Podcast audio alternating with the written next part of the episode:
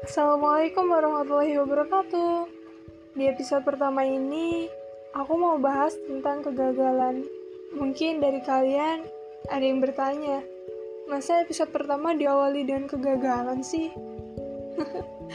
gak apa-apa, kita belajar dari kegagalan dulu ya. Kamu pernah gak sih ngerasain kegagalan? Iya, sesuatu yang kamu harapkan, tapi tidak kamu dapatkan itu yang sering kamu sebut gagal. Sesuatu yang sangat kamu harapkan, tapi tidak terrealisasikan.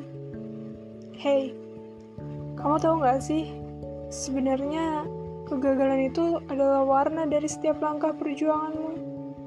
Tanpa kegagalan, kamu nggak akan pernah ngerasain yang namanya sabar ketika berjuang, dan nggak akan pernah belajar ikhlas ketika harus melepaskan sesuatu yang kamu inginkan.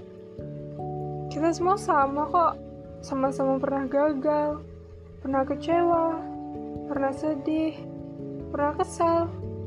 Itu wajar, karena bagaimanapun kita hanyalah manusia. Kita hanya bisa berencana, berdoa, mencoba, dan berusaha. Hasilnya hanya Allah yang menentukan. Mungkin doamu tidak pernah berhenti, tapi tetap saja hasil yang kamu usahakan masih tidak sesuai dengan harapan. Bukannya Allah tidak mendengarkan doamu. Percayalah, Allah selalu menggenggam doa hambanya dan akan melepaskannya satu persatu di waktu yang tepat.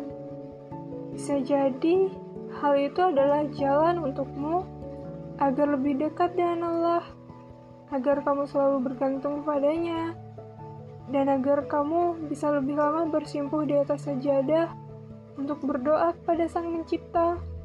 Mungkin hasilnya tidak selalu sesuai dengan harapanmu, karena yang baik menurutmu belum tentu baik bagi Allah, kan? Allah itu lebih mengetahui keadaanmu, dan percayalah, Allah tidak akan pernah mengecewakan hambanya, karena Allah tidak akan mengambil sesuatu kecuali akan digantikan dengan yang lebih baik. Seperti dalam surat Al-Baqarah ayat 216. Boleh jadi kamu membenci sesuatu padahal ia amat baik bagimu.